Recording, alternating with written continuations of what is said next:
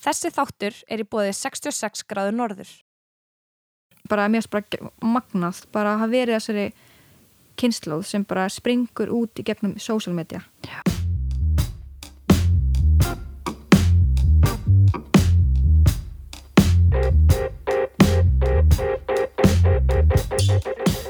Verið velkomin í þáttinn þegar ég verð stór.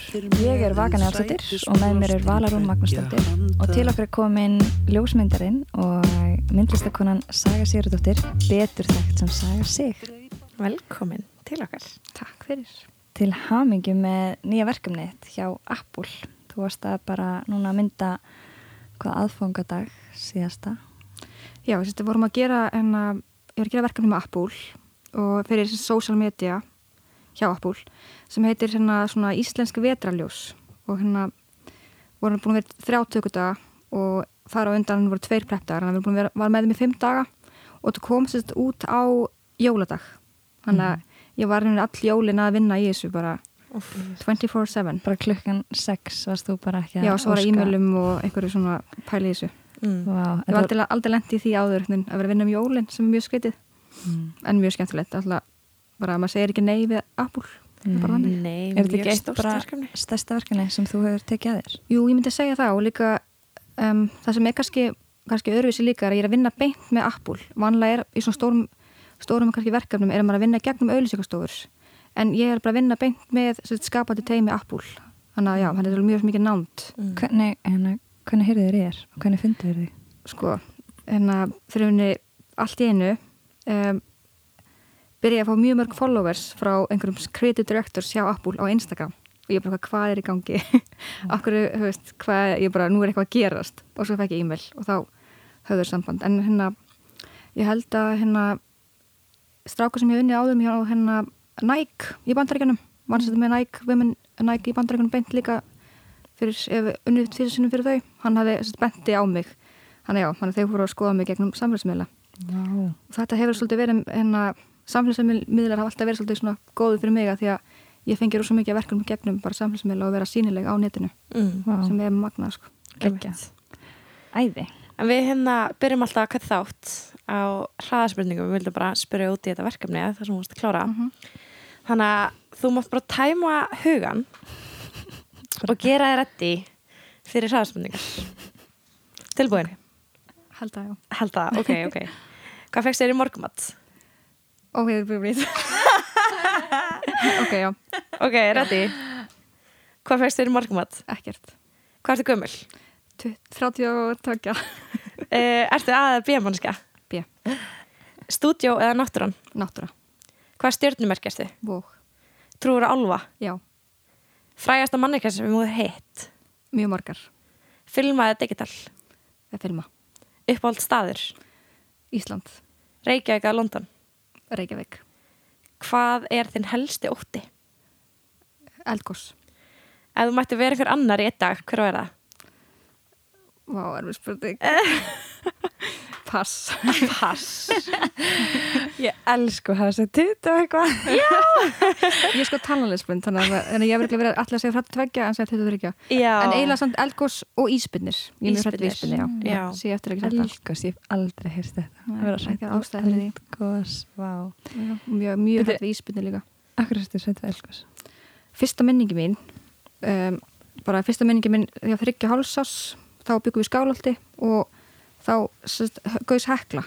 Ég held að þetta var 1990. Og það er bara svo fast í minningunni að hafa séð bara eldin renna svona í hlýðarnar gegnum stofglugana alltaf því undir álægi þannig þá dreymum við eldgós. Vá.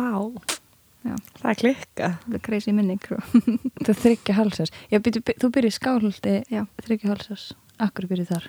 Já, frá, frá enna, við fluttum mjög oft, fólkdæð mínu voru prestars og frá, já, frá bara eins til fimm ára býi í skálaldi, bara í eða skálaldina húsinu, þetta er svona, ef við komum eitthvað þyrpingunni þá býi húsinu í miðinni, að því að pappi var rektor í skálandskóla, þannig að við byggum þar fimm ár. Mm. En svo flytur á þingvelli. En það ekki? Jú, svo frá 5 til 10 ára býi ég á Þingvöllum og svo frá 5 til, nei, 10 til 15 um, býi ég í Skaftarsíslu sem milli, hérna, vík, milli víkur kirkjubáklaustur eða fyrsti, fyrsta húsi sem sér þegar þú keirir svona Mýrdalsand og alltaf út af vinnu sem pappin var í að- það var mamma líka en hvað hérna, hvað vildur alltaf verða þegar þú var stór? Það er svona okkar þema. Um, já, ég ætla alltaf að verða stjarnæðlisfræðingur Ok. ok, það var mér, mér, mér, veist, ég- sko ég hef alltaf verið svona algjör nördi því sem ég er að gera. Ég tek eitthvað eitt fyrir og master það. Og hérna til dæmis ég hafði mjög mikið áhuga gullfisk með yngri og það er til sem bók sem allir fyrst vil hlæja yfir að þetta er bara svona research bók um gullfiska það sem ég var búin að prenta út veist, skjöl, skrifa niður nöfn á þeim hvernig þeir fættust og svona, alls konar in information. Þetta er bara, þetta er gæður, ég þarf alveg að gefa þetta út eitt þetta er alveg rosalegt, prenta út myndir og þú veist, gerði svona fiskadauði skjál þeir dóu, þetta var bara svona já, þannig að það var svona fyrsta nördæstmið minn. Og næstin er svona ég tek alltaf eitthvað eitt fyrir og svo hérna alltaf las ég rosa mikið. Ég var sko algjör bókanörd. Mm. þannig að ég tíu ára fekk ég hérna kvartningaverlum frá fórseta Íslands til ungra Íslandika fyrir að vera mikið nörd Ok. þá var ég búin að, að lesa alveg mjög mikið Íslandikasögunum þegar ég var Gegn. þú veist, ég var kannski engan skilningaði þá þá bara ég, ég las, ég bara át las eina bóku dag, það var bara hannig og ég bara las og las og las og það bara, ég lesi rosa mikið og hérna, svo já, það var svona þú veist, þannig að ég, var- það tók það svolítið fyrir og síðan var það stjórnumfræðin og ég ætla alltaf að vera stjórnumfræðingur Vá. þá hérna, vissi ég alltaf um geiminn og eitthvað og um þannig? stjórnumkiki og bara pældi mjög mikið í þessu og, og þegar, þegar, þegar internet var nýkomið þá var maður alltaf að googla eitthvað höppul og eitthvað svona pæli einhverjum stjórnandi en hérna En svo ætla ég að lenda líka að vera læknir síðan og hérna um, já, ætla að vera læknir síðan. Ákvað það kannski þess að ég var svona 14-15 ára. Hvaðan kom það? bara einhvern veginn ég kem alveg að, svona, að mjög akademiskri fjölskyldu og það er mikið að læknum og mikið að fólki, bara háskóleginu fólki og við ætlum öll sískinin að vera í raungrunum og svo endur við öll sem er listamenn. Þannig að þetta er svona kannski þessi kynsla sem fekk að ákveða hvað við vildum gera. Ég held að, að hana, báður afar mínar vildi til að vera arkitektar en við eruðu yðnamenn og við það mikið að listafólki í sem langaður listamenn en fengu ekki að láta dreyfum sér rætast að þannig var aðstæðnar Mm. en ég kannski af þessari kynslu sem fæði sína og hérna sískinni minn sem fá að vera sem ég vilja. Mm. ég ætla að vera læknis og fór í, ég fór í MR Mm það veit ekki allir Nákvæmlega. Nei. og hérna ég sett, fór í, já, kom flutt í bæin ég á 15 ára fór í hérna hagaskóla og dugsaði þar náttúrulega algjörnarli Jesus. fór í MR og hérna eftir eitt og halvt ár þá bara gerist eitthvað inn í mér ég fekk bara svona mikið innsæðistæmi bara vá, ég er bara 20 tíma dag að læra einhver sannanir og þetta er bara ekki ég og einhverju ótskýranlega ástæði þá ákveði ég að skipta í Vestló og ef ég ekki skipti í Vestló þá var ég ekki ljósmyndir í dag. Og þá ætla bara að byrjaði allt eitthvað inn Koma því hans eftir að því mér Mm. langar að spyrja þig út í hérna þegar þú vart ert að alast hann upp í sveitinni. Já, Er mikið að krökkum?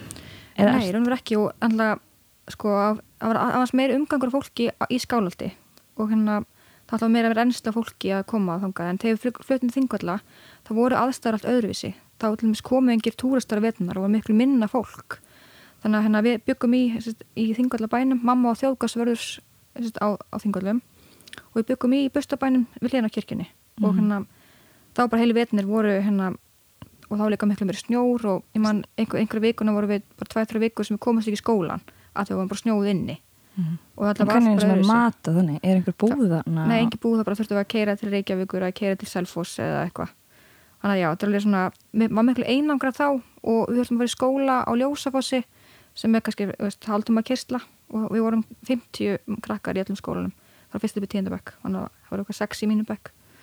En alltaf að alast upp á þingallum alltaf algjör forundindi og alltaf bæði bara náttúrufeðurinn og sagan í á staðnum, hún alltaf finnur fyrir sögunni. Alltaf, við þekktum alltaf staðan að þarna voru fólk brent það var einn refsingin og henni allting gamla að fólk voru brent, þannig ég vissi að þarna voru fólk brent þarna voru konum drekt, þarna var komið vikingar saman, þarna voru þingi þannig að þú finnur sögun í loftinni og sama tíma er náttúran mögnuð vegna þess að þingur líka milli tveggja fleka náttúrulega og er að hver einasta ári er hann fara lengra niður að þeir um að alltaf að fara í sundur flekanir þannig að það er líka bara svona orka sem getur, maður getur ekki útskýrt og Ótrúlegt. alltaf magna að fá að lifa og í svona mikil nánd við náttúruna Mm. og að því þú heyrir í henni Mhm. bara til þess að standa á vetunar þá í miklum frosthörkum að heyra svona sprengingar því að þeirra ísin er að hennar springa, bara eins og stóra sprengingar. Og maður finnur svona einhvern veginn, maður, ég alltaf hugsa um þannig að maður finnur einhvern veginn náttúruna anda, mér finnst það svo fallegt að segja það ef við hugsa Já. þannig. og og ég kannski það sem, og ég þakk svo þakkli fyrir það því að mér finnst þeir svona maður, er svo miklu tenginguna við náttúruna og kannski eitthvað sem að krakkar í bænum fá ekki upplifa. Og hérna, já, þeir eru bara mikið inni hérna Ertu eitthvað að mynda hana? Ertu eitthvað með Já, ég hérna, myndavél? pappi var alltaf tekið myndir og ég var alltaf að stela myndálunars og þau gefa mér síðan hérna fólkdað minnir myndáli þegar áttara og þá var ég með mikið það sem ég hafði kannski mesta svona áhuga á þá var þessi hérna mikla uh, mikla anstæður í byrtunni þegar þegar að byrtan er mögnuð á þingullum þá skellir hún á uh, klettana og einhvern veginn hraunið þá það er, það er alveg magna og mér finnst ekki skrítið um þetta kjarval var mjög ekki að þingullum að mála og það er einhvern veginn magna verður eitthvað magna sem gerist í, í, hana, í ljósaskiptunum Mhm. þannig að ég byrjaði svona að hafa áhuga því að skrásetja það Var þetta filmið vel? eða? Já, Ok. og ég áfylgta þessum filmum með það sko. þetta er svo mikið sólalög og mjög fyndna myndar sískina mínum Ykkur fórnarlöndana. já, Prófa þess að og áfram. dýrum. Það er ekki mjög vant um þessum myndir það er svona, já, það er að byrja þetta allt saman. Já, þetta er nefnilega alveg frekar merkilegt að alast upp á þingullum og bara út í sveit. Og að svo er líka ákveðin súrjalinsmi við þetta þegar þú ert í þú sveit að þú ert líka á ofnbæri stað og hérna að koma náttúrulega rosalega mikið af hérna, það var mikið ofnbæri heimsóknum þar sem að mamma tekur á móti hérna bara kongafólki þannig að ég fekk að hitta alls konar prinsessur og drottningar og 94 þá og bara margir dagandrottningar leggja hlut, lagði hérna af sér í herbygginu mínu þetta var svona ótrúlega súrjalist Já. súrjaliskur kontrast að vera einn einhvern veginn og svo bara eitthvað alls konar veist, kongahólk á mæta sveðið Mhm. En þú Einmitt. þurft alltaf að vera svona í smá líka, já, bara svona svona smá skrautbúning eða þannig. Já, Að eða taka bara stundum við að fórum kannski í þjóðbúninga og gáðum blóm eða eitthvað mér fannst þetta ekki kannski svakalega mikið til þess koma því að mér var stöðsískotnir svo óþægilegir þannig að ég man ég mun langast að finna þessa mynd og einu sinni hérna ég held að það var 94 þá hérna heldur Vigdi Svinnbú að dáttur á mér niður bara alla almannagjá og því að mér var svo illt í fótunum og langast að finna þessa mynd þá fæði ekki svo væntum hana eða þú veist þetta moment eitthvað Það er og mér var svo illt í fótunum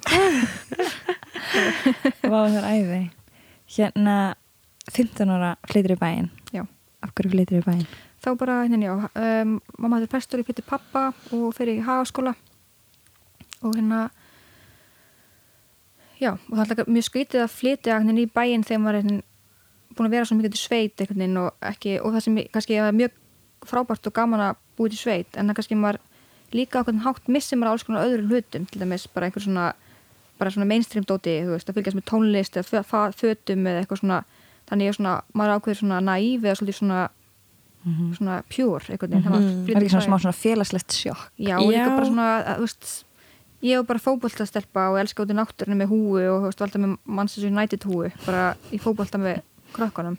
Svo maður kemur inn maður í hagaskóla og maður bara alltaf að þroskast mjög hrætti að vera eitthvað gelgja, ég bara svona stelpunar að plokka augubrúnunar og þú veist, eitthvað svona, það er mjög skritið, sko. og varstu það alveg, þú veist, þú varst, varstu gelgja, Já, svo já, um, eða þú veist, lest þetta hafa áhrif ég var bara ógæslega mikið nörd. Já, en ég hef alltaf mikið áhuga á svona fötum og tísku að veist og ég alveg gamla myndir af mér þegar ég var fimm ára og ég klæði mér svipað þá eins og ég farið bara í einhverjum skreittum kjólum og fyllt að dót skarti en ég var alltaf alltaf mikið áhuga á því einhvern veginn að klæða mig upp veginn Mhm. en hérna, en já, ég var já, maður verður svona þroskast hratt af svona mikla breytingar mm. en ég var samt algjört nörd sko, háskóla Mhm. Og velur eru þess svona MR. já, þessum breytingi að mér Litla, já. Og ertu þá, þá langaði bara að vera læknir? Já, en ég var samt alltaf, alltaf hérna í hérna hagaskóla var ég þú veist, ljósmyndarinn var svona, einn ljósmyndari tók myndir af böllum og svona og var í skólablaðinu og það ekki þetta Já. þannig já, þannig ég var byrjuð þau þannig og alltaf, já, þannig að þá byrjaði ég og og já, alltaf samt alltaf læknir það var bara nummer 1 og 3 Mhm. og ég held kannski ég hef aldrei fatt að það að, að því að það er engin listamæður í, engin sem vinnur við það að vera listamæður í minni fjölskyldu. Að ég geti bara verið listamæður það var svona, var ekki, ekki það var ekki pæling veginn Nei, þú sást það ekkert sem option. Nei. Nei. Hvaðan heldur þá að ljósmynda áhugin komi frá, þú veist, í grunninn? Fyrst að það er frá engin- pappa og afa. En afi sér hérna, ég heit hann aldrei en hérna, ég á gamla bók eftir sem hann keipti í gamla dag var einn fyrsta ljósmyndasýningur í Íslandi sem hétt eitthvað fjallaðum bara um manneskjur í heiminum það var svona, þessi ferð, sýning ferðast um heimin ég man ekki alveg hvað hún heitir þessi sýning en það var mjög merkileg sýninga því að hún ferðast um heimin fór með smundi borga og afi, Þórður afi minn hafði keift bók um þessi sýningu pappi gaf mér hann síðan. Hann afi hefur kannski haft mikið áhuga á ljósmyndun Mm. og hann vildi vera arkitekt og hann að svo er pappi alltaf verið að taka mikið myndir líka. Mhm. en maður alltaf, að allir mjög fjölskyldu en það er alveg pappi sem hefur verið svona taka myndir og svona Mhm. Þetta listar hana eðli í sér eða eitthvað mamma líka, mamma líka mjög listræn hún, er bara, hún er prjónar listalega vel og það er bara já. Og það er mikið ljóðskaldum í það- en enginn sem vinnur við það beint, þó að það er mjög listræn allir mjög listrænir en enginn sem fengja fengja það fórhandi að vinna við það einhvern veginn. Þú talaði um mömmuðina, þú notar hana stundum í verkefnum eða eitthvað, ég sá henni mitt, þú notar hana í Apple. Það treði hann alltaf já Já, en hún er líka með alveg ótrúlega innkennandi útleitt Mhm. og hvernig finnst þér að mynda mömmuðina og, og not, veist, af hverju notar hana? Hvernig, hún er bara svo mikil galdrakona og ætla bara ótrúlega flott með þetta síða hár svo ótrúlega náttúruleg sem er kannski, já, svo, með svo falleg hvernig hún, hún eldist og hún er svo falleg bara, falleg kona. Hvar býr hún? hún býr eins langt frá Reykjavík og mögulegt er á Þórsöfn á Langanesi sem er bara, Ok. tekur 8-9 klúktum að kera er en Þið eru alveg teind í náttúrun alltaf já, alltaf einhvern veginn að sem alltaf er líka eina við. hluti heim að þau vildi Já. koma aftur í náttúruna. En hvernig varstu í Vestló? Hvernig típa varstu þegar varst komin þáka? Og af hverju ferðu í vestan? Já, sko, ég held, sýsti mér var í Vestló og kærastu minn fyrirvandi var í Vestló ég þekkti enginn beint, sko í sk mínum árgangi þannig, ég bara, já, ég ætla að skipta í Vestló þau eru þar og þetta er eitthvað svona og ég þurfti alltaf að taka sko eitt og hálft af því að þá var Vestló að prófið öðru ári, þetta voru fjögur ár þá og þá var Vestló að prófið öðru ári. Það er að taka bókvæslu hafræði á hálfu ári sem allir múin að gera tvö ár. Það var svolítið hefi, sko, en ég náði að gera það.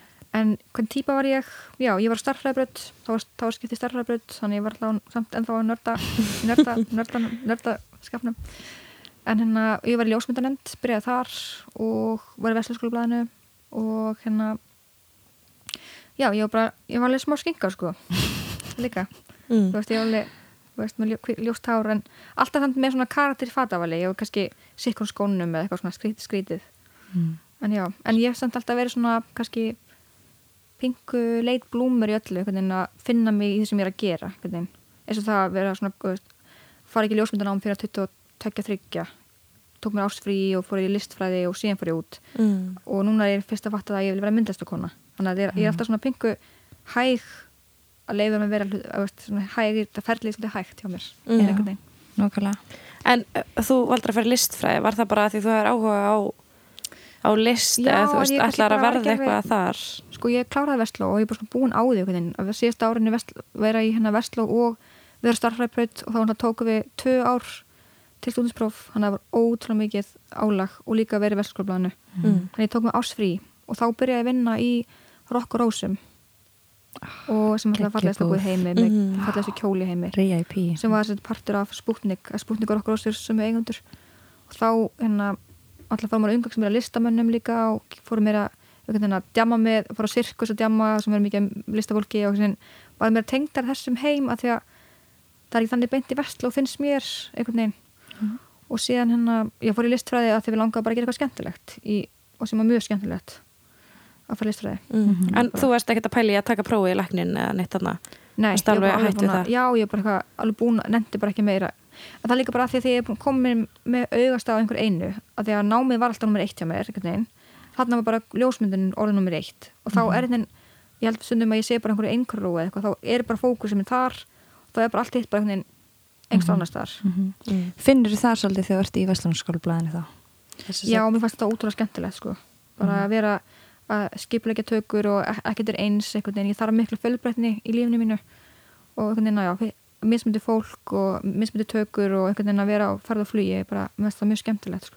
en það er líka bara Vestlarskólablaðið búin að vera breeding ground fyrir ljósmyndara Mhm. með Silja Markvarðar og Baldur Kristjáns og var ekki sem svona taka sem fyrstu skref í því en það er það mjög mjög metnað í þessu blaði og Mhm. bara ótrúlegt hvað hvað, þessi, krak- hvað krakkar er að gera í, á þessum aldri, bara gera svo flott blöð Nákvæmlega með mega flott sko. Og hvað kannastu það? Já, Þannig þú ferð í listfræði, þú klárar það þá væntilega ekki. Nei, ég fór í eitt ár og síðan fer ég út í London Ok. Þá Af er- hverju langaði þið út?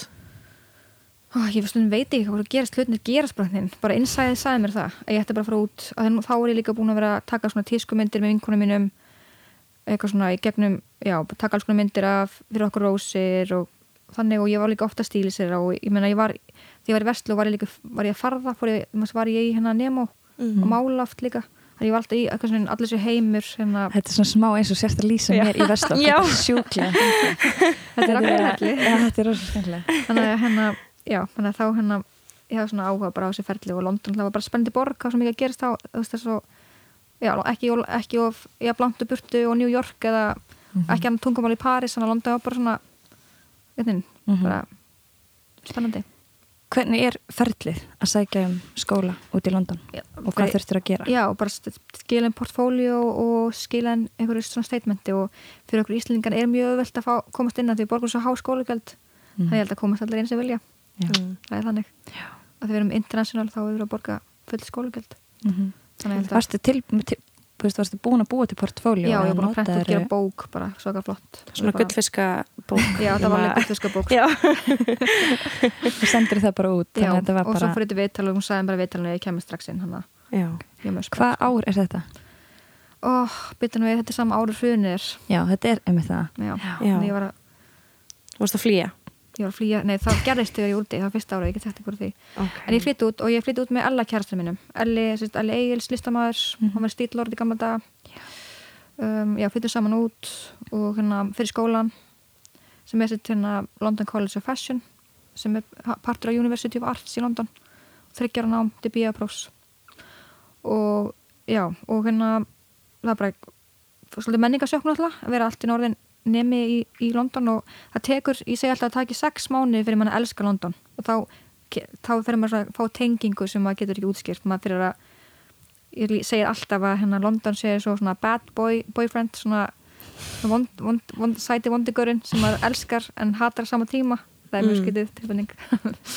En hérna, já, en það er mjög gaman í London og hérna og já, ég lendir þetta í því. Alltaf fyrsta árinu að hérna hrunið er og ég man með þess að í oktober þá horfðum maður húsalegunum sinna því ég ætla að var bara geng, vara bara í húsum gengi og allt og, og skipta yfir.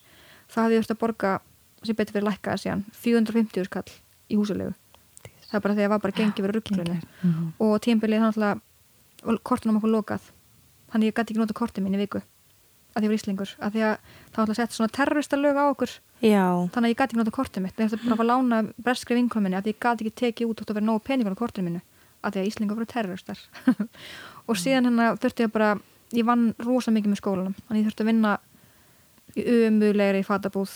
Og það var svo gott að vinna í þessari fatabúð og það var svo umuleg og svo illa hugsa um starfsfólkið, þú þurfti að vera hámhælum allan daginn og alltaf opið út og gett kallt og fengum mér lengra, þetta var bara brotið öllum réttindum en ég þurfti að gera það því að ég þurfti að vinna með bara. skólanum mm. og það kendi mig líka að vera svo þakklátt fyrir eh, þessar stundir sem eru erfæri í vinnunni að því ég er búin að gera svo mikið að leiðil hluti sem ég langar ekki aldrei aftur að gera Mhm. en það var svona pingu erfitt, það var alveg pingu erfitt fyrsta árið var pingu erfitt sko en en Þetta að, er líka hérna þú er sagt mér sjálf frá því að þegar þú varst í London að það hefði mitt verið bara einmitt þessi fyrstu ára voru bara virkilega erfið Mhm. eiginlega bara út úr hruninu og bæði út að lánin voru að hækka og bara peningunum var svo lítill. Sem að stættir einhverju svona einhverju góðu mómenti sem þú varst Ó, bara hvað bara- er ég að gera hérna? Nei bara þegar maður var að stila sér stræt og maður var ekki efni í hann. Og þú veist ég er svo rosa löghlíðin, ég hata að gera eitthvað sem ég má ekki. Og eða svona, eða ég vil ekki, ég vil bara standa mig í öllu veginn. Og maður, þú veist, ég var tekin að því ég var að svindla mér í strætó sem mjög mikið ekki ég, mér var það ótrúlega leðilegt Mm. Og það er bara alls konar eitthvað svona. Maður er bara eitthvað, að líka bara þurfa að vinna, vinna svona mikið með skólanum, það var ótrúlega erfitt en á það sama tíma að ég var í skólanum og stóð mér vel þar, þá var náttúrulega líka að vinna í þessum, þessari fatabúð. En svo var ég líka bara 100% í því að koma á framfæri. Og ég mætti bara á boombox og þekkti engan. Hvað er það? Búm. það er svona rosalega þannig að það var alveg aðal svona partykvöldi og boombox og það var svona sem allir ungulista krakkanir fóru ég mætti bara og þekkti kannski engan. Mm. og ég gerði bara sko hluti sem ég hugsa bara eftir að bara, vá, ég bara gerði þetta. Og komstu bara inn og segði bara ég segja og, ég bara kom inn og svo bara hérna byrjaði maður að kynast fólki og ætti ekki og hérna svo var ég alltaf með blogg líka á þessum tíma og þá var blogg náttúrulega rosa vinsæl og tengdi svo mikið af fólki gegnum bloggið og þannig fekk ég, ég man, fyrsta verkefni mitt það var bara þegar þremur mánuðum eftir að ég kom út. Og þá var þessi bloggar sem heitir Amlöll sem var svona eitt stærsti bloggarinn í bara, var bara ég var að fylgjast minni mörg ár og hún hafði fylgst með mér og það var svona community og núna gaman að fylgjast með þessu stelpum við höfum höfður sambandi, sambandi eins og Petra Collins til dæmis, ég hvort það ekki hana. Jú. hún var, við vorum allar svona bloggstelpur sem vorum alltaf að spjalla og vorum svona í sambandi. Og nú er til dæmis bara Petra Collins bara alltaf að vinna fyrir Gucci og eitthvað. Þetta er bara svona allir að vaksi í sína átt einhvern veginn. En hérna, já, fyrsta verkefni mitt var, þá fór ég út til hérna, flóið til Spánar að gera eitthvað svaka kampæn og ég var að deyja Ég Er það eftir skólan? Nei, það var þremur mánuðum, ég var í skólanum það var þremur mánuðum eftir að ég bara flutti út, þá var ég byrjað að gera það verkefni út á blogginu mínu Nei. sem er alltaf magna því að ég er líka alveg mjög feimin og introvert þannig að þú veist, þó ég var að mæta ykkur partí þá var ég alveg mega feimin, skilur Mm. þannig að ég fyrir hana og ég var bara að deyja og bara allt í fatt að ég bara eitthvað 30 annað krú, bara ég var með tvo aðstofmenn og tökumæður og bara fullt af fólki, ég þurfti svo mikið að, að hérna, þykjast að vita allt hvað ég er að gera. Þannig hefur maður þurft bara ofta að vera þykjast að vera óslega örugur En líka þú segir þú ert feimin og introvert. Að vera með krú þar sem þú þarfst að stjórna og tala við fólk og vera í félagslegum samskiptum allan daginn finnst, finnst þér það að vera erfitt við ljósmyndun eða er það bara eitthvað sem þú hefur þjálfað þig í? Um, ég er bara stundum sem henni erfitt en mér kannski introversiónu mín er ekkit tannig að hamla mér í starfinu sko. Nei. af því ég er auðvöld með fólk og mjög næmgakvart fólki. Og letið hafa feimni þetta minni kannski er já, í vinnunni er það bara allt öðru sem kannski annað mig sem persónu í utanvinnunar. Í vinnunni er ég bara er ég að vinna. Og þá er ég ekkert feimin eða, eða það, það er ekki svona þá er ég ekki eins og ég er í vennilega Já, þannig að ég er bara einhvern veginn fæði svo mikið fókus á það sem ég er að gera. Einmitt. en já, já, þannig að ég náði alltaf að, náði að vinna mútrið sko. Ég var mjög, þannig var ég alveg bara að deyja inn í mér sko.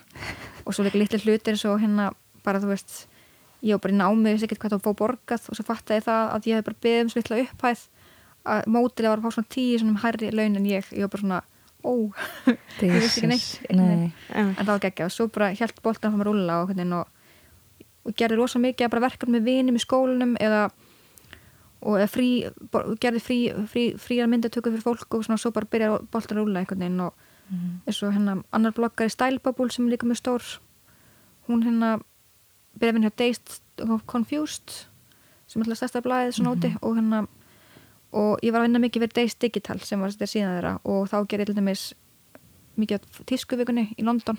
Þá fyrir ég eitt, eitt ári fyrir 24 tískusýningar og ég fekk ekkert borga fyrir það sko. Ég gerði það bara frítt. Og ég var, ég var bara sveitt, það var bara hlaupið á milli og eitthvað, það var geggjað að fá kannski að sjá baka tjöldin hjá Vivin Westwood og vera bara baksviðs og það var alveg trillt sko Já. Geðveikt. og út á því fæ ég síðan það bara verkefni önnur, það myndi fyrir Days and Confused og síðan kemur eitthvað annað verkefni gegnum það, þetta er alltaf vera svona. Bolti bara snjóbolta effektið og alltaf sagt já og vera bara til hlutina og einhvern veginn, en bara ge- magnað, bara að hafa verið þessari kynnslóð sem bara springur út í gegnum social media Já. Og, veist, og, og til dæmis hérna, mér finnst svo crazy til dæmis að fekk ég eins og skilabróf frá hérna, aðstofmanni MIA þá hún er að fylgjast með mér gegnum, gegn, fylgjast með mér og hérna hún er fylgjast með Instagraminu mínu. hlustindum MIA Já, er? MIA er náttúrulega bara stærsta söngkona í heimi, bara algjörðist töffari og þeir sem, já, ég held að flesti þekki hana sem eru inn í tónlist Mhm. MIA, hún er bara legend. Og hérna, hún er að fylgjast með mér og hérna, vildi að ég kæmi og tæki myndir backstage uh, í Bad Girls vídjónu og ef við veitum hvað Bad Girls, flesti sem, já, þegar sé það það er bara svalasta vídjó í heiminum. En þá er ég akkurat komin í Ísland í jólafrí og svo dýrt að fljúa mig út. Þannig ég gæti ekki gert verkefnum við hefum ekki efnað að fljúa mig út. Og ég, hvers skipti sem ég sé þetta vídeo þá er ég bara miður mín. Það var svo ógæslega cool Já. En Já. þú ert þá í námi, er þetta fjögur ára nám? þetta er árun ánám, Þú ert þá bara á fullu að Já. gera verkefni líka bara fullu. Bara svona side projects alltaf. Já, og eftir það var geggjað því að þá þýtt það að ég gæti unni við að vera ljósmyndari útskrifaðist en Já. ég mætti ekki útskriftinu mína til dæmis að því ég var að vinna fyrir Topshop. Það var bara að gera herfer fyrir top, eða, gera myndtökur í Topshop í Mm. Breitlandi. Og voru Það allir í náminu svona? Þú veist, voru allir í Nei, náminu? Er bara alls ekki. og líka bara ekki glemma því að ég er kannski einu elstu því að breytar eru átunar að þið fara í háskóla. Þannig ég er kannski þremur til fimm árum eldri en flestir og ég þarf að vinna harðara því ég er íslingur og ég þarf að ég, þú veist, ég, þú veist, ég er að borga allt sjálf einhvern veginn, þannig að ég, það var svo miklu, mik mikið í húfi fyrir mig, þannig ég þurfti bara að gera það einhvern veginn. Mm.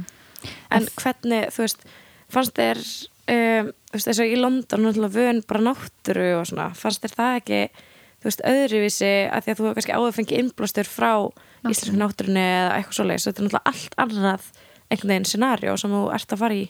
Jú, mér varst það bara mjög mikilvægt af því að ég var svo mikið náttúrubann og kannski hefði ég bara alltaf verið bara einhvern náttúrudúlla ef ég ekki fengið bara þess að dýft í því sem þessi erðarleikar voru að þeir mér bara ákveðna dýft sem listamæður að þurfa að hafa fyrir hlutunum að vera í grámanum og að lappi mjög tjúpinu og vera týndi í fólksfjöldanum og bara og líka bara kynst allir sem fólki frá mismundi þjóðvörnum að því að þú ert kannski að vinna í verkefni og það er eitt frá Japan, eitt frá Ástralíu, eitt frá uh, Pólandi og eitt frá Noregi og það er svo geggja, það er svo það er að þess að við London. Er fólkið sem er frá öllum það að Menningarhafið. eins og hérna kynnti sig með, vinnu minn japanskur og er gerir bara skúltúra með hár.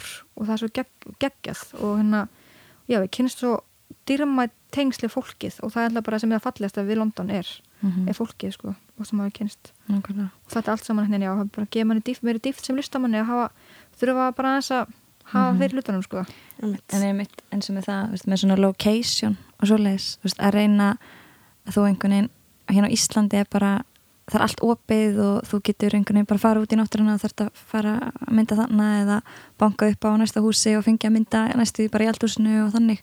En svo kom allt í bara í einhverja stórborg og bara þú ert bara einhver pínulítið peð og, og þekkir engan og veist ekkert hvað þú fá mótel eða neitt, veist, bara, þetta er svona sjokk. Maður- en svo bara einhvern veginn finnum alltaf leiðir svo, og svo byrjuð það líka og kannski gerir testshoot fyrir mótilskristofunar eða streetkastar hittir eitthvað og síðan þegar þú byrjar að fá aðeins meira budgeti fyrir verkefni þá getur þú nota location scout. Það eru trillt location sem maður myndað í sko eins og til dæmis eins og þá er þetta gegnum vin ég veit ekki hvort þið þekkið, veit ekki hvort Isabella Blow er hún er rosalega að hún sitt hún er alveg kona sem uppgötar Alistair McQueen til dæmis. Hún var svona hatta, það getur googlað hana Isabella Blow mm.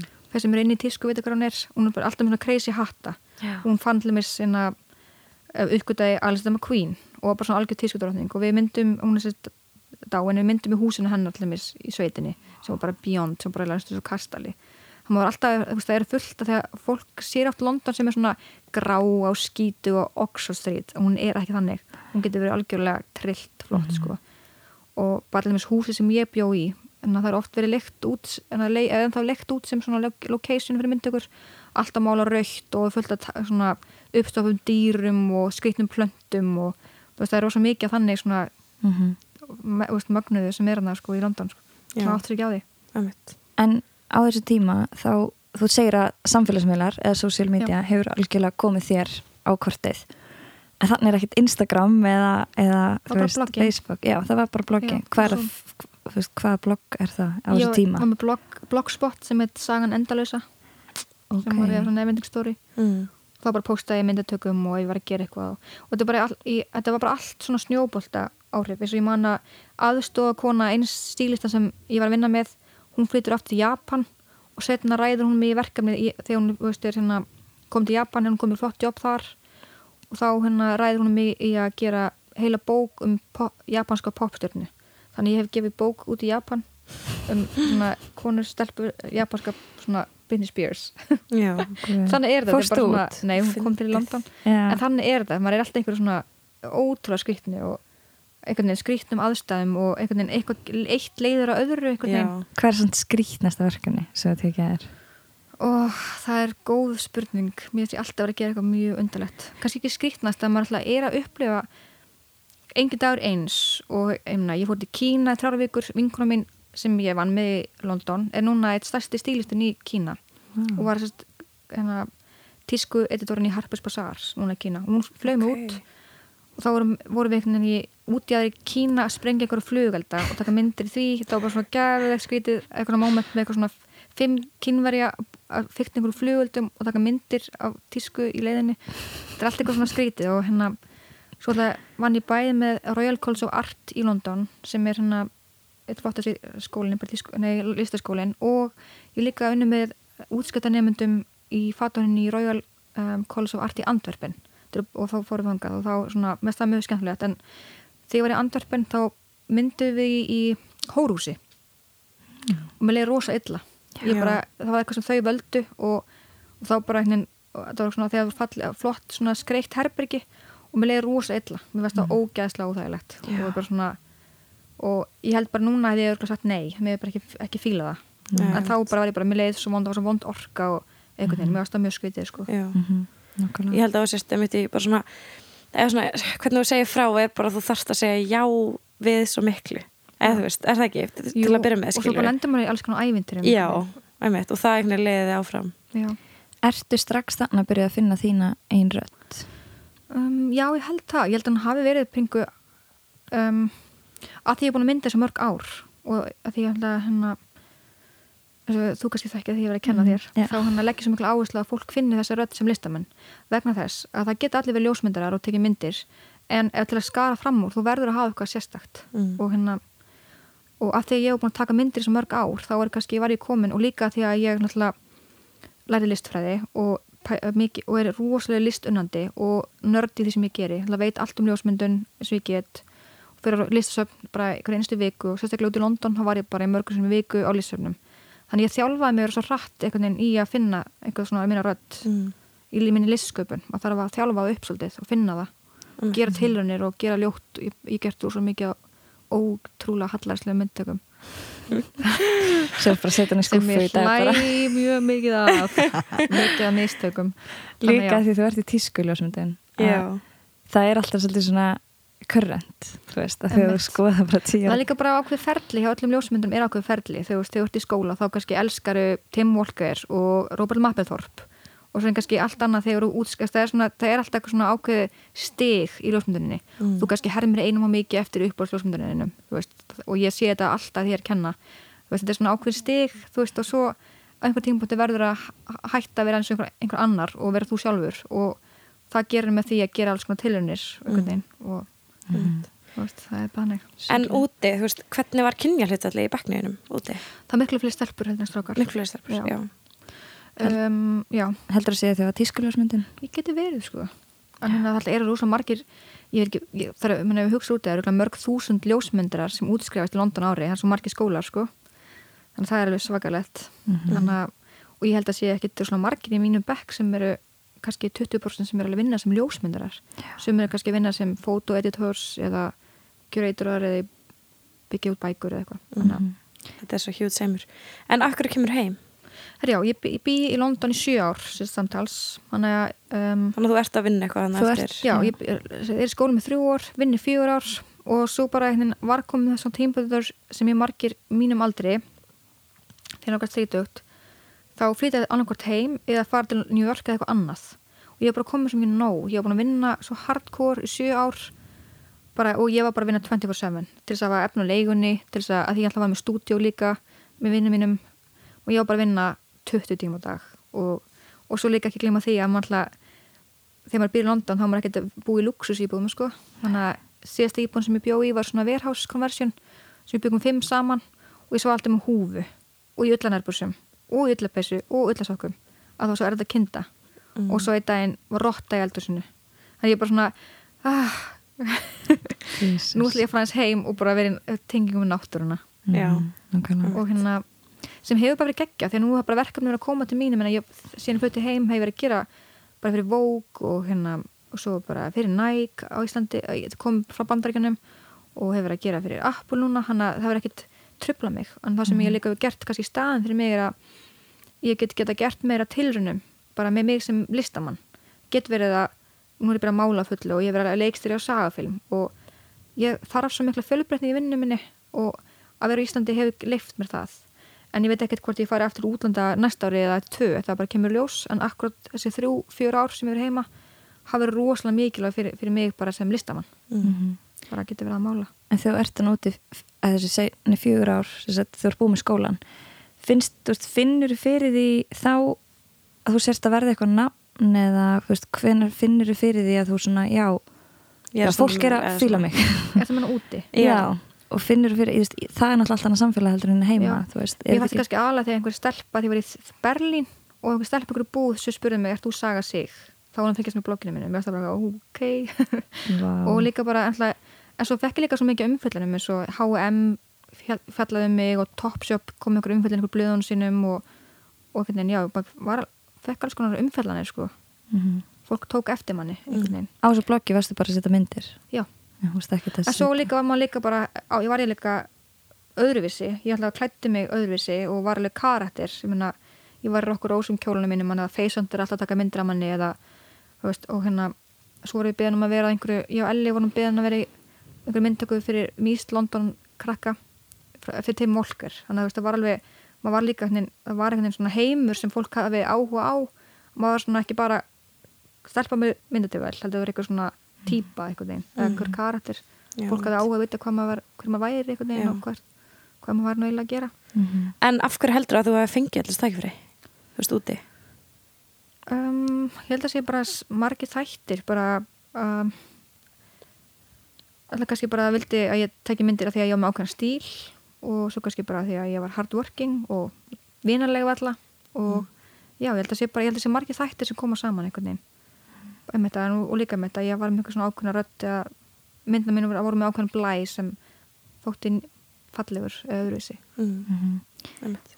Þegar þú ert hana í, eða já, bara þegar þú ert, ef þú verður að byrja núna í ljósmyndun, eða ljósmyndun á mig væri eitthvað sem þú hefði viljað vita þá, sem þú veist í dag mm, ég kannski hefði viljað geta sint náminu betur af því að leita bara að gera fyrir tilunir með mig sem listamann. Af því ég var svo mikið bara að læra sem kennar sem er að læra vinna í þessari búð og svo bara fulla vinna eitthvað svona í snæðan fyrir að vera að þróa mig og gera tilunir þess vegna hef ég alltaf sagt mínu nefndum að því að stundum vera að kenna í ljósmyndaskólanum að nota tíman með að ert í skóla til þess að vera þú gera tilunir ef þú getur. Mhm. eða allavega að því ég var svo bara, þessi, þrjú ár var ég bara einhverju sturlun, bara ég er örgulega, ég er vinnualki það er bara hann, uh, já, þú veist, ég elsk, elska bössið að vera bara brjálega að gera veginn. Mm þannig að ég hef viljað njóta þess meira við námi. Mm. Já, kannski, en Og þú ert ekkert að- að prófa neitt fyrir en bara þegar þú kemur heim að já, því kannski ég held bara ef ég hef verið að velja upp á nýtt núna þá hef ég aldrei farið í ljósmyndana ég hef alltaf farið bara í myndlist. En það bara var hérna lág beinast fyrir mig að fara í ljósmyndana því að ég var að taka myndir af því að, já, þannig að ég hef kannski núna hefði ég eflaust bara valið það að vera í myndlist til dæmis, mm frekar enda ljósmyndun það Já. hefði henda mér betur. Mhm. en ég byrja að setja því að Elli kærastin minn sem er mynd, fyrirvændi, er hérna myndlistamæður og hann hérna hann var alltaf að mála og tekna og ég byrja að fykta hans stóti og, og hérna þá byrja ég að mála hérna svona tveimur árum áður ég flutti heim. Já, að mála út í svo- London. Já, Já, en þú ert bara nýlega byrjuð að svona svolítið að um, gefa það miklu meira effort, tíma, eða já, tíma að í það. einmitt, það er svo erfitt að hérna erfitt að gera allt í einu einhvern veginn.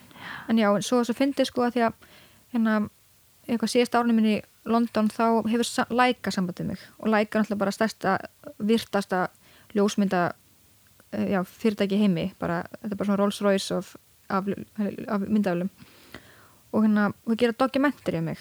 Hann er partur í, að út af okkur í ammælisýningu og ég er sponsor af Laika og fæ Laika myndavel og held sýningu í höfustofnum þeirra, sem var opnið í höfustofar alltaf og svo gera rosa eitthvað svona dokumentir um mig og sem er sínt eitthvað í Þískalandi og Finnlandi og Európu og allstaðar eitthvað.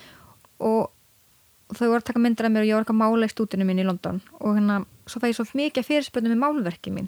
Og mér var það svo merkild, frekar þetta ljósmyndaði mín þá fann ég bara eitthvað, eitthvað öst, mér var það svo magnað einhvern veginn að það kannski þetta var eitthvað sem ég geti verið að gera líka. Já. þetta er svona henda mér mjög vel að vera að mála. En já, þetta er allt einhvern veginn eitt leitt á öðru einhvern veginn, Já, mjög skeitið þegar þú kemur heim Farðu beint í verkefni? Farðu rosa mikið? Ertu. Tekur strax öll verkefni að þér eða ertu meira svona að þreyfa fyrir þér? Nei, ég bara, þá líka sko, bara sem ég hluti heim þá er bara landslæð í auðlýsingum og svoleiðis breyst rosa mikið. Hvernig fyrir fjórum árum þá voru öll fyrirtæki að gera st- stóra herrferðir tvær á ári, tvær sjómasauðlýsingar tvær myndtökur sem var svona nýtt allar árið. En á fjórum árum eða þremur, fjórum það hefur breyst rosa mikið og hérna náttúrulega út af social media, út af Instagram út af öllu, þú veist, fólk vil sjá hlutina strax og þú ert ekki með að byrta söm myndina í sex mánuði. Þannig að það er bara rosa breyting fyrir mig sem að vinna að því að ég oft verið að vinna auðlýsingum þá má kannski gera nokkuð verkefni ári fá mjög stóra upphæðir miklu meira borgað og í staðan verið núna er maður kannski gera mörg mörg verkefni og fá minni borgað og vinnan er miklu meiri einhvern veginn mm. út af því að það er svo mikið hraði og fólk þarf að ma- mata veist, fólk stöðu sko.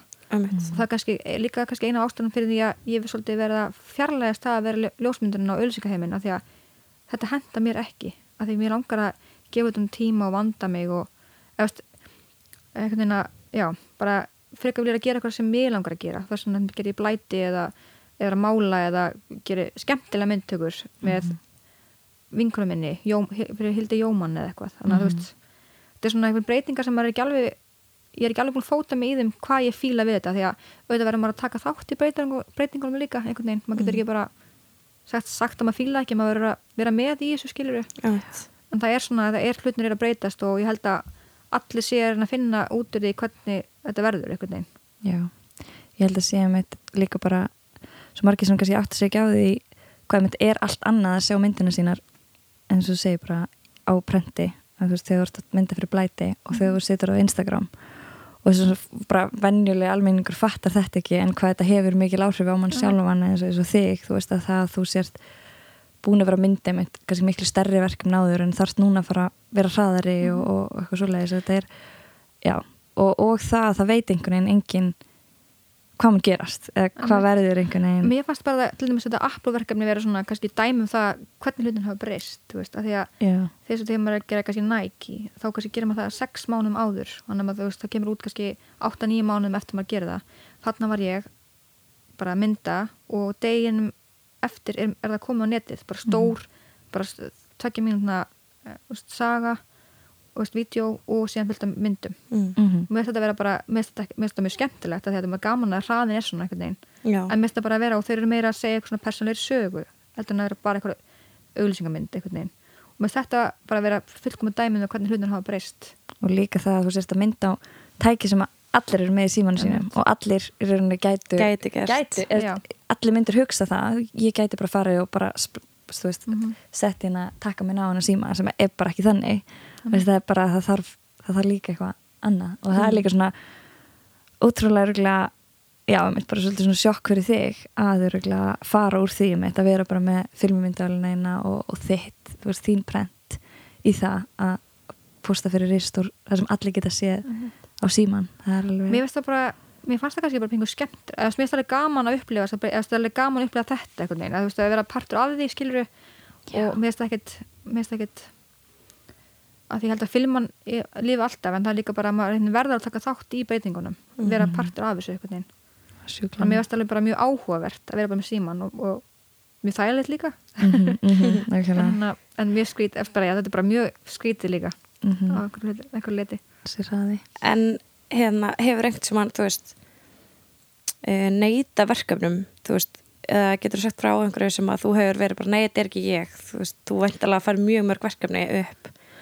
Já, ég held samt að ég hef alltaf verið svolítið heppin segja að fólk leiti tímina þegar ég er að leita einhver ákveðnu. Þannig að ég fæði bara mjög skemmtileg verkefni og, og hérna, til dæmis ég var að gera Nike hérna, alltaf bara, þú veist, bandaríska verkefni gegn Nike USA þá er ég valin að vera wildcard ljósmyndarinn. Þá eru kannski, stundum við herfæranum með kannski þrý ljósmyndarar, eitt sem er að gera tæknilegt eitt gera kampænið og svo var ég til dæmis fengin að vera wildcard. Þannig að ég fæ að gera alltaf skemmtilega, kreatífa þannig að ég fekk kannski með kreatív direktorunum í Nike og er að tek mótelinu enginn með okkur og fara að gera eitthvað skemmtilegt. Þannig að ég er alltaf valin í svona eitthvað sem er ótrúlega skemmtilegt. Þannig að ég er svo heppið með það.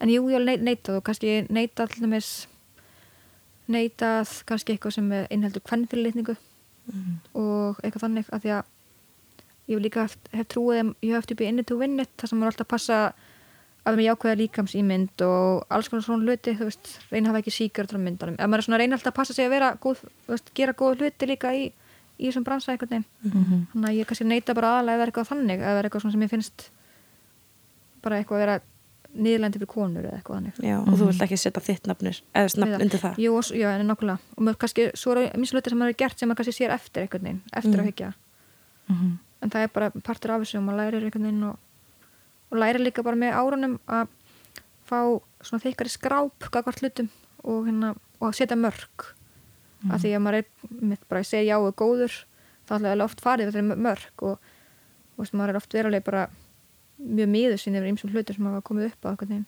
Mhm. í vinninni sko Já. Ég hef á uh, vegum vinkonur sem er hennar mótel hérna heima og hún hefur setið fyrir hjá þér og hún hefur talað um hvernig finnst þetta gott að vera hjá þér af því að þú hérna, heldur utanum fyrirsættur og, og bara fólk sem er hjá þér og passar öllum líði vel og, bara svona og verðingu fyrir já, ber, virðingu fyrir öllum þeim sem er á setti. Mm.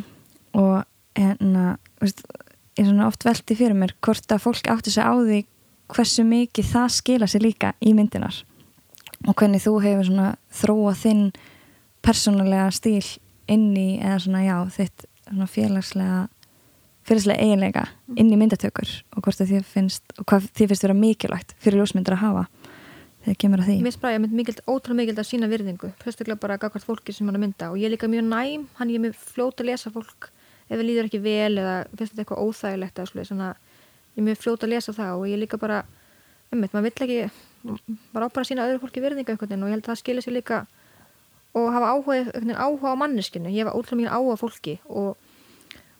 það það er kannski eitt sem ég kannski sem er, sem er öðru sem ég er margar tískulúsmyndara er að finnst allt fólk fallegt og ég er ekki bara að leita til einum, einni típa mannesku allar konur og kallar eru fallir sinn hátt og oft er þeir sem eru mjög fallir í svona samfélagslegum stöðlum myndast kannski ekkert vel og svo er kannski einhver sem eru karakterar sem myndast ótrúlega vel. Þannig að þetta er svo misjamt einhvern veginn. Mm. og finnst það mikilvægt að minna á það bara að því að þessum við erum svo mikið að tala um, um svona jákvæði líkamsýmynd að ég ætla að gera rosa mikið að nærfæta undir nærfæta myndtökum í London ég er með marga klæjant og fer ennþá út að gera nærfætatökur því að það er bara eitthvað er oft öðru segja konur að taka myndir af konum hálf, já, mm -hmm. í undfötum mm. og hann er ofta að gera castings það koma fullt af mótilum og er með, með, með veppunum sína og svona og, og er hann veist, á nærfætunum að sína hvað það eru mér finnst castings mjög erfitt af því að mér finnst þetta mjög erfitt partur af mér finnst þetta ekki skemmtilegu partur af að vera eitthvað neita fólki að það er ekki rétt fyrir þetta, mér finnst það bara alltaf hundar sem er erfitt, af því mér finnst allir fallegir. En ég kom svo mikið að því að, að hérna sjálfs, að, veist, að vera sexy eða sjálfsörökur fælst ekki í því sem jórn maður er. Það er bara algjörlega, ef þú elskar sjálf þig þá ertu hot. Og það er oft stelpur sem voru kannski bara mega skortnar af pilates, bara svona fullkomni líka með samfélagslegum stölum. En maður sá hvað, hvað voru bara leið illa og voru kannski með ádraskanir eða eitthvað og bara, þá það var ekki, að, það var ekki þessi útgæstlinn svo var einn stelpa kannski sem var körfi og bara hér ég, bara, og bara hérna, hún sjálf og bara ánað með sig hvernig hún var og það var bara ótrúlega, það var ótrúlega sexy. Mér er bara svo gott að minna á það að það er bara hérna, það er ekki hérna kíloföldin eða þannig sem er, sem segir hvernig maður, hvernig maður er heldur bara, veist, að elska sjálfa sig. Það er mhm. ótrúlega, það er mjög hot sko. og það er með þannig sem að með kljósmyndarinn kemur kannski inn í og getur eitt búið til eða brotið þessar staðlýmyndir það er mitt þannig að erst þú við stjórnvöldin mm. En nú, hérna, erstu mjög upptökin hvernig finnst þið best að kúpla út? Finnst þið það erfitt? Já, mér finnst það mjög erfitt, hausinum er alltaf miljón sko. Um, en hérna um, ég lappar svo mikið. Og því að London var ég alltaf að taka stræt og þá var alltaf bara satt ég og bara svona kúla mig út. Ég lappar svo mikið að því ég er að dra bíl. Og, hérna, og svo fyrir ég í gufu það er bara svona mittvend og hleyp það er svona þessi þrýlutir sem ég geri mm. Og færðu innblástur að þessu? Já, ég myndi segja það ég, Þegar ég er sérstaklega að synda þá hugsa ég svo mikið og oft koma bestu hugmyndan hér að hlaupa mm -hmm. eða um þetta í spænu þá koma þær einhvern veginn mjög mikið líka mm. en svo já, svo les ég líka mikið og reyna að fara listasöfn, sérstaklega þegar ég er í London þá reyna ég að fara mjög mikið á, á listasöfn Ferðu mikið út en þá? Já, ger það, við vilt að hoppa yfir og svona Já Ótir flögu núna Já. En hvernig, þú veist, eins og við tala um samfélagsmiðla þú veist, hvað finnst þér um eins og í dag bara þá eru, þú veist, að geta allir postað sínu myndum og editað og eitthvað svona, mm -hmm. þú veist, hvernig finnst þér þetta hafa breyst bara tengt þinni vinnu? Sko ég fagnar bara allir getið tekið myndir og mér finnst bara gaman að sjá hvað skemmtileg hlutir spretta frá einmitt Instagram og Facebook og ég held bara alltaf að þeir sem hafa einhverja öðru sér rött eða er að gera eitthvað öðru hluti þeir standa alltaf upp úr hann að mér finnst það mm. ekkert kannski, veist, mér finnst já gæðin standa alltaf upp úr einhvern veginn mm -hmm. í myndunum. Já, ég finn sko ég ótti búin að hugsa mikið um bara um ljósmyndun bara undanveg og hvernig svona framtíðin hann er að því að núttilega ég elska hana og sama tíma er ég að færa spingu frá hana því ég er líka bara að byrja að mála mína myndir einhvern veginn og hérna og bara hvernig hugsa um hvað, verður, hvað gerist næst einhvern veginn, mér finnst það pingu erfitt að vita mm -hmm. hvernig það verður einhvern veginn. Hvernig, hvernig ljósmyndi verður Já, og líka svo eins og með Instagram til dæmis. Maður að pæli. Ég var að skoða hvað er svona toppmyndinar sem ég postaði þessu ári. Og það eru veist, bara myndir af mér eða veist, húsinum heima hjá mér eða ég með málverkunum minnum þannig að svo mikið, mikið ég í gangi. Bara svona, eftir hvað við, bara í samfélaginu. Já. og fólk kannski ef ég posti einhverjum ljósmynd sem ég er rosa ána með þá kannski var maður ekki að mörg læk, skilur við og þetta það, er svo, þetta er svo, þetta verður svo getur brengla mann svo mikið en mér er bara svo mikilvægt að muna eftir í bara hérna að hérna maður þarf að byggja sér upp gott orð sem bara fagmaður. Og það ætla, skiptir mestu máli er að vera góður í vinnu sinni og góður, búið til góða ljósmyndir eða góða list. Það er ekki alltaf einhvern lítur út. Þó að hérna, já, mest það svona maður þarf að mu- muna eftir í. Það er auðvöld, að gleymast í þessu einhvern veginn að vera bara sætur á samfélagsmiðlum einhvern veginn, í staðan að vera að búa til eitthvað einhver snilt eða eitthvað sem lifir að eilifu og það er mitt að þú segir að þegar við tókum svolítið eftir þessi ljósmyndaskólanum þegar maður var að fara að byrja svona þess að sína verkin sín eða eitthvað á, á hérna Instagram að svo setti maður eitthvað að það var bara öllum var sama, það var bara engin læk og eitthvað, kannski einhverju sem hefði áhuga á þessu en leiðum að setja einmitt bara kannski eina mynd af sér sjálfum þá bara, þú veist, hrindist inn og það var all, allir áhuga á því Mm. og það er með það, ég held að fólk átti sér ekki líka á því að, þú veist, Instagram sko, flest allir sem eru á Instagram hafa eiginlega bara mest áhuga á einhverju persónulegu. Já. og það er oft bara erfitt, held ég, Mhm. að koma list á framfæri á þeim miðli. En þetta er bara svona sjúklega þetta er svona algjör einhver flækja sem Já. maður skilur ekkert í. Maður skilur ekki hvað fólk veit. ég, eins og ég sé þetta, ég er bara samfélagsmiðlar hafa gert svo mikið fyrir mig ég er svo þakklátt, þakklátt fyrir það. Sama tíma er maður bara alltaf oh, þetta líka getur verið svo einhvern veginn, dreyman í einhvern, einhvern skuggaheim sjálfinu en þú Og- náttúrulega líka samt kem, kemur á framfæri á öðrum miðli sem eru öðruvísi, Þú þú kemur framfæri á bloggi. Þannig bara alltaf er nákvæmlega, tímar á því. nákvæmlega. Já. sem ég er að- þakklátt fyrir að vera bara fyrir þann tíma einhvern veginn. Já, Mm. nákvæmlega. Ertu með einhverja fyrirmynd? Um, bæði bara í lífinu og í, í þú veist, ljósmyndinu og, og listinni? Sko það er bara margar held ég. Ég ætla kannski að því ég, ég er svo rosalega mikið myndlistanörd ég ætla að er alltaf að horfa á documentaries og lesa ég ætla að, ég ætla bara að taka fram að það sem ég geri, ég tekið bara alla leið. Þannig að ég bara, ef ég áhuga einhver núna bara ég, þá bara er ég bara að pæla rosa mikið með, myndlistafólki og lesum listakonur og svona.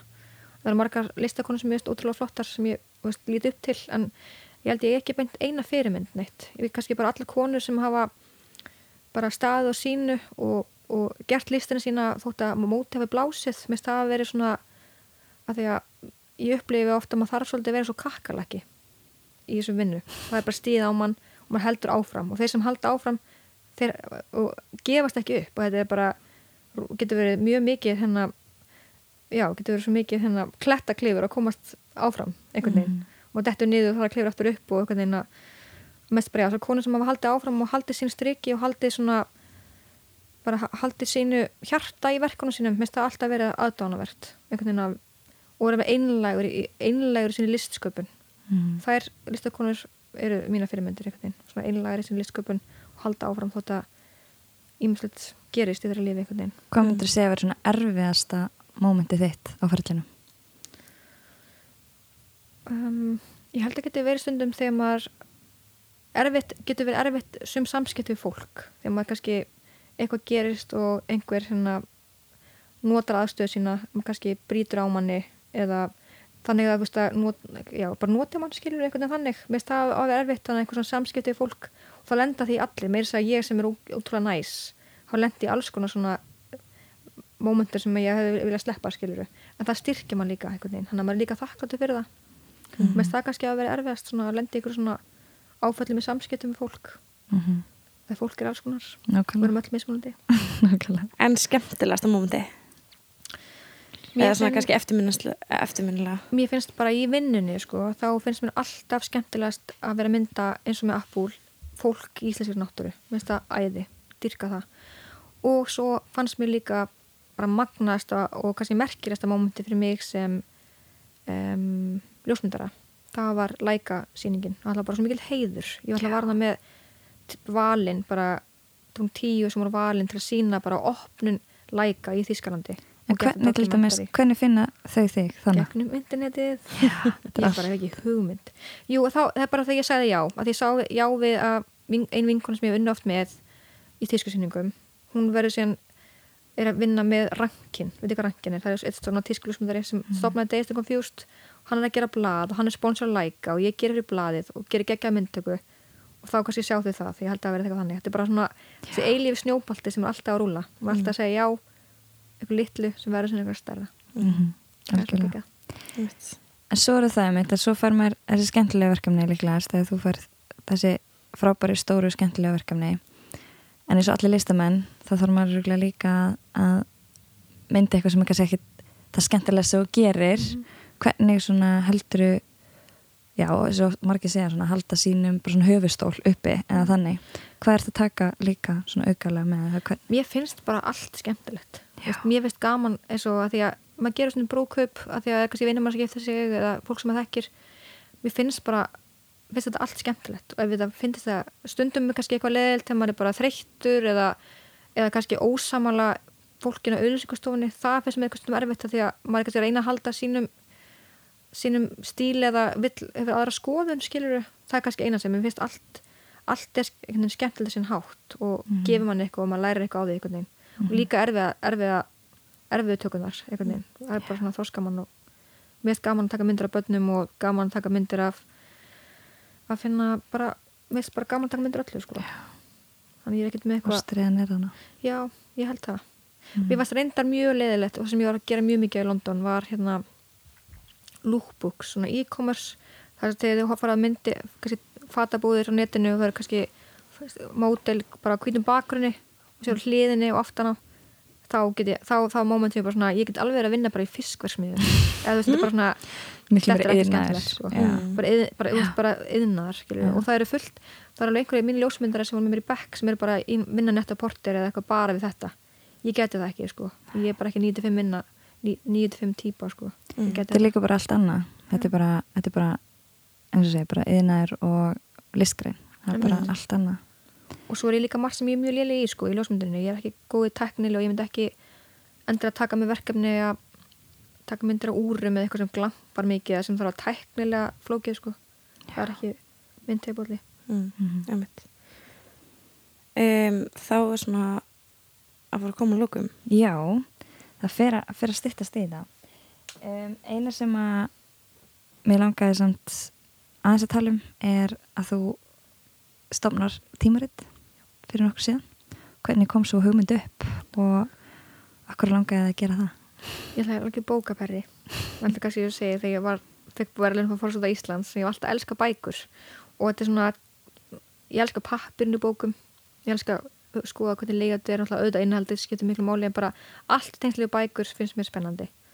Og bara og líka kannski langa mig að gera eitthvað blað sem sem væri hérna allt sem ég langar að gera og þá hérna, tengdust ég og Erna Bergmann í því vinkona minn og ákvæma einhverju svona, já, þetta er náttúrulega bara ekkert madness að gefa blað, sko, mm. en það er ótrúlega skemmtilegt. hvernig kynnist þið? Þú Við un, um, um, tekst í mörg ár, en tengst, við höfum með oft, við höfum verið að gera verkefni saman í auðlýsinga, sem hún er stílis þeirra og svo, svo erum við sitt eigin merki svimsló, Mhm. þannig að já, hún báði svona kreatívar en langaði að gera eitthvað svona sem er bara allt sem okkur, okkur langar að sjá í einu blaði, einhvern veginn, mm. sem er döldi flókið, sko. Við erum þetta kemur út næsta í mars, held ég. Við erum eiginlega að byrja á því núna. Ok. Okay. Það er byrjað, en það er svona, já, það er svona að fara dottið í gang núna. þess að blæði blæti mjög Mm, spenntar fyrir því Gekja. Eitt sem langar að spyrja, myndar þið mikið sjálf? Eða þú veist, hvernig finnst þér að vera fyrir fram á myndal? Um, mér finnst það, hérna, mér finnst það mjög, oft mjög vandrarlegt að vera sjálf fyrir svona myndavel. En það fyrir til ljósmyndarunum, náttúrulega. Mm. Mér finnst mjög, mjög þess vegna er ég þegar ég að mynda sjálf og segir svo mikið til og fólki finnst það þægilegt að því að, að því að mér finnst mjög, getur orðið mjög vandrarlegt að vera eitthvað mótulast fyrir svona myndavel. En að mynda sjálf á mig gerði miklu mér að því í gammal dag. Það var ná MySpace days, sko. Sko, MySpace er ennþá opið, ég er alltaf hlægi yfir því, ég er svo mikið svona skemmtilegum self-portraits. ég held ég að einhvern veginn inn að það er mjög skemmtileg en það er ruggla það er svo mikil það er svo mikil listana samt þú veist þetta er ekki, þetta er alls ekki eitthvað Einhverja cute selfies. speklamyndir sko mér mér finnst svo gaman að vera eitthvað svona fara eitthvað karakter og þess að þessu upp einhvern veginn hana, já. Mm. en nei, ég mynda ekki mikið sjálf sko. Mm. En hvað, nú spyrjum við aftur, hvað langar það að verða þegar þú verður stór? Hvar sérðu þig í framtíðinni? mm, ég ætla að vera myndlistakona sem ég bara, en er samt alltaf að, að snerta mismyndi miðlum mér er gaman að gera vídeo og mér er gaman að taka ljósmyndir og mér er gaman að mála og mér er að finna leið bara til þess að geta gert þetta allt í einu og já, bara verið listakona Mm. Hvað myndirðu hérna mæla með e, fyrir svona unga e, krakka sem eru vilja fara í þess átt? Erstu með einhver góð ráð til að enda á? um, það er bara að vera tilbúin að vinna hart, hart, að því að ná sem rætast af því að þið rætast ekki að sjálfu sér maður þarf að vinna að því. Og vera, vera einlægur í listin sinni. Ég hef alltaf talað um það að hróki er, er óvinni listamannsins, bara vera einlægur í sem maður er að gera og, op, og opinn. Og þá gera svo magnaðar hlutir.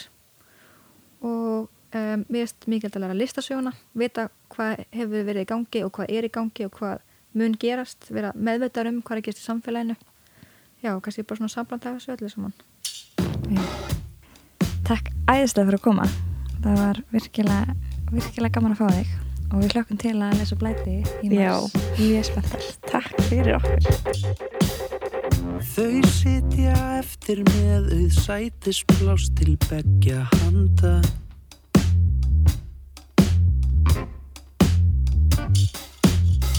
Dreipandi sitt á hvað á drikkjunum sem eftir standa.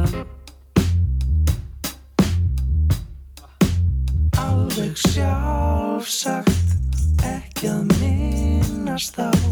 Láttu vaða Leistu skjóðu frá.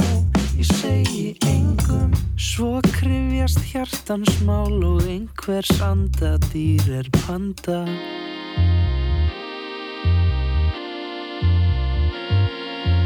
Trún og trún á, við kinn. Þú og ég og einhver einu þinn. Trún og treyna, trún og við halda. Nóttin naumast orðin við aldra Trún og trún á, við kinn. Þú og ég og einhver einu þinn. Trún og treyna, trún og við halda. Nóttin naumast orðin við aldra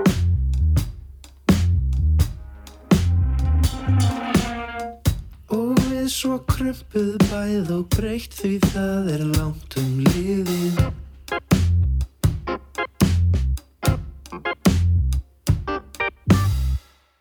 Og hundruð hunda ára hafa okkar daga drifið. Alveg sjálfsagt ekki að minnast á Láttu vaða, leistu skjóðu frá?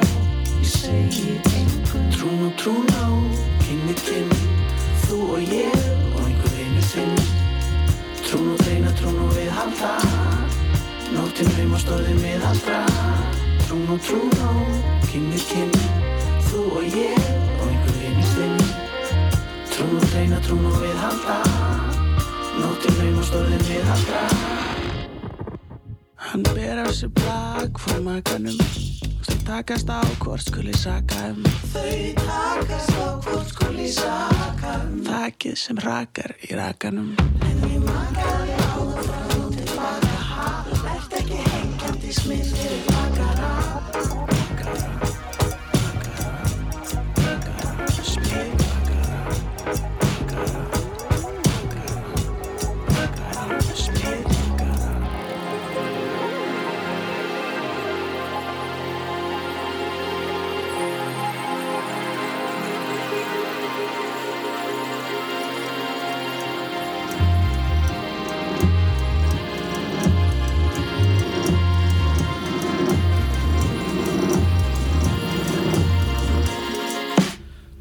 trúna á kynnu kynnu Þú og ég og einhver einu þinn Trún og greina, trún og við halda Nóttum við og stóðum við halda Trún og trúna á kynnu kynnu Þú og ég og einhver einu þinn Trún og greina, trún og við halda Nóttum við og stóðum við halda Trún og trúna á kynnu kynnu Þú og ég